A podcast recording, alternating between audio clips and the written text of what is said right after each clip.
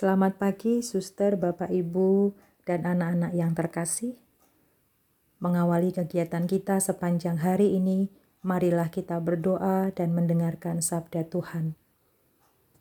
Dalam nama Bapa dan Putra dan Roh Kudus, amin.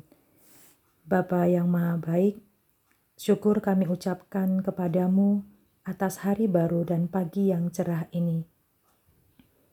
Kami akan mendengarkan sabdamu kami mohon, bukalah hati dan pikiran kami.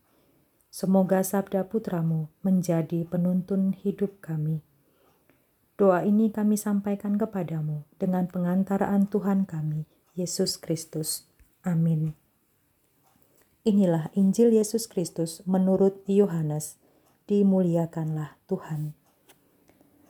Karena hari itu hari persiapan dan supaya pada hari sabat mayat-mayat itu tidak tinggal tergantung pada kayu salib, sebab Sabat itu adalah hari yang besar.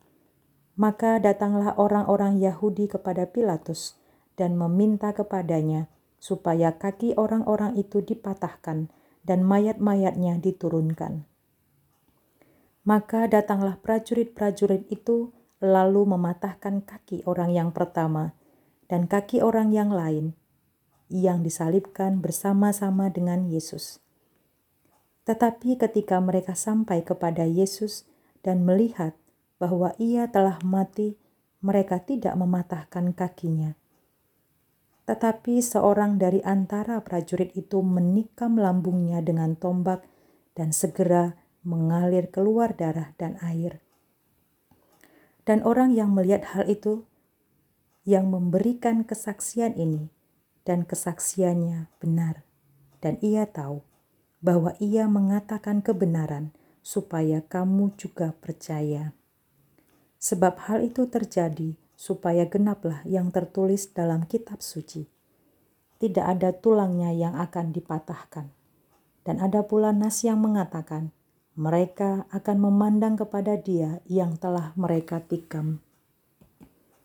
Demikianlah Injil Tuhan, terpujilah Kristus. Suster, Bapak, Ibu, dan anak-anak yang terkasih, hari ini gereja merayakan hari raya hati Yesus yang Maha Kudus. Kita percaya bahwa Yesus memiliki hati yang penuh belas kasih dan tak terbatas.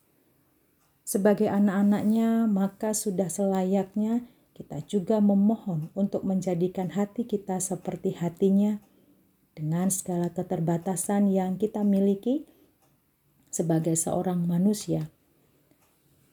Maka sangat perlu bagi kita untuk memohon rahmatnya agar kita selalu dimampukan untuk memiliki hati yang dapat mencintai dengan tulus tanpa ada embel-embel yang lain, tanpa ada motif yang lain.